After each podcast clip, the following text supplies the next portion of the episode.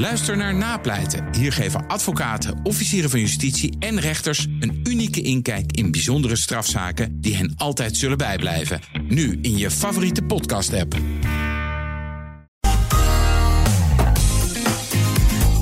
Ongevraagd advies. Oliemaatschappij Shell verkoopt de duurzame dochteronderneming Shell Energy vanwege tegenvallende resultaten. Terwijl de oliemaatschappij in 2050 wel klimaatneutraal wil zijn. Tijd voor advies, ongevraagd advies zelfs aan Shell komt van Annemieke Robeek, commissaris bij onder andere Eneco, bij Randstad, hoogleraar strategie en transformatiemanagement aan Nijrode Business Universiteit. En alsof dat nog niet voldoende is, ook lid van ons boardroom panel. Annemieke, goedemiddag. Hi, goedemiddag Thomas. Waarom Ja. zet Shell die divisie nu in de verkoop? Toch een voormalig paradepaardje. Ja, absoluut, absoluut. Eh, Shell Energy. En ik vind het echt, het was de meest sympathieke groene propositie van Shell voor consumenten en huishoudens. Want je kon eh, eh, thuis duurzame energie krijgen. Je kon het met de mobiliteit onderweg combineren. Je kreeg korting op zonnepanelen, korting op laadpalen, korting op onderweg laden. Je kon zelfs de CO2-afkoop van, van de gasemissies en alles doen. Dus het, is echt, het was een prachtige groene eh, propositie.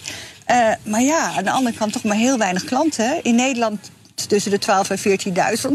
In Duitsland ook maar 100.000. En in de UK dan wel 1,4 miljoen. En ja, we hebben natuurlijk twee weken geleden ook al een keer naar Shell gekeken. Ja, En herinner ik me Ja. nog. Shell staat fossiel in zijn blootje, zei Annemieke Robeek toen. Ja. Ja, maar ja, het is, nu trekken ze helemaal het fossiele pak aan, kunnen we wel zeggen. Een driedelig fossiel pak. Want ja, eh, zij vinden toch dat eh, Shell Energy te weinig oplevert.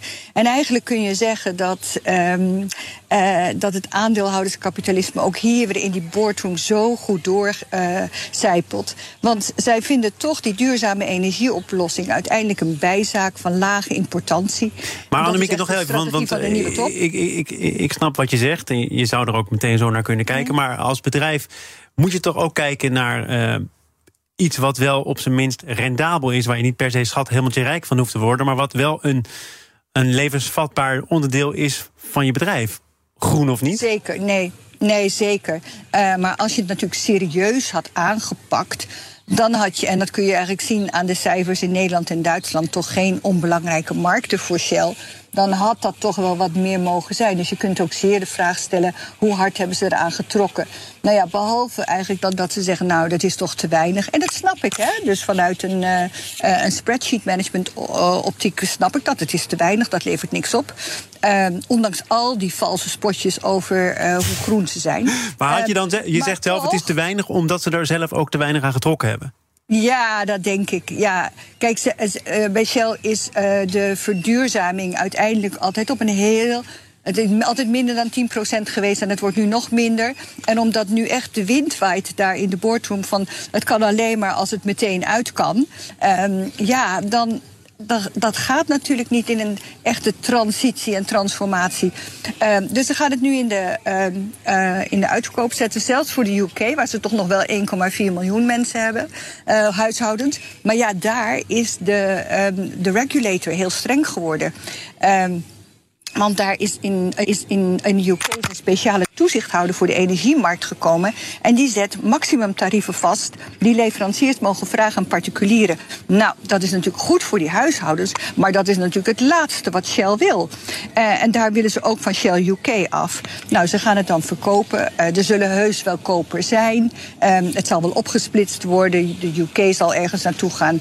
Nederland en Duitsland. Nou, misschien komt dat nog eens heel dicht bij een bedrijf waar ik ook eh, mee bezig ben.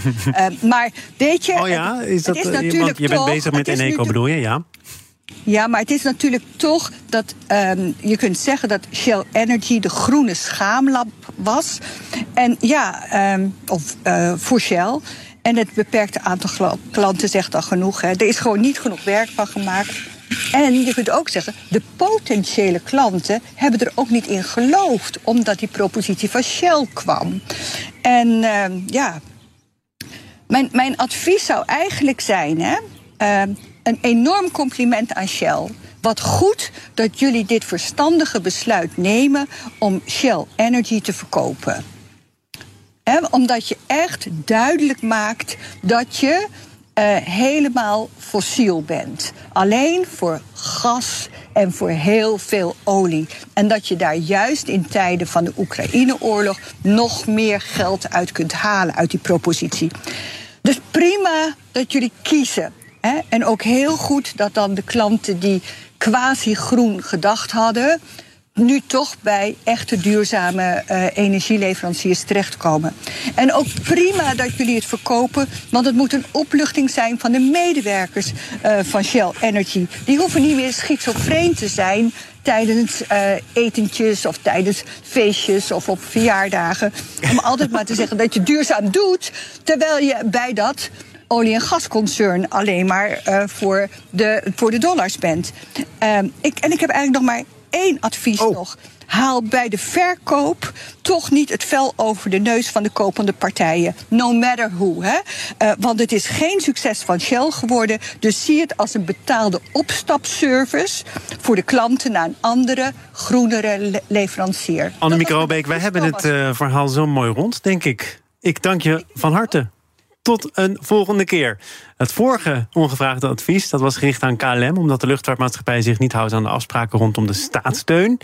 Zoek op ongevraagd advies in je podcast-app en je mist het niet.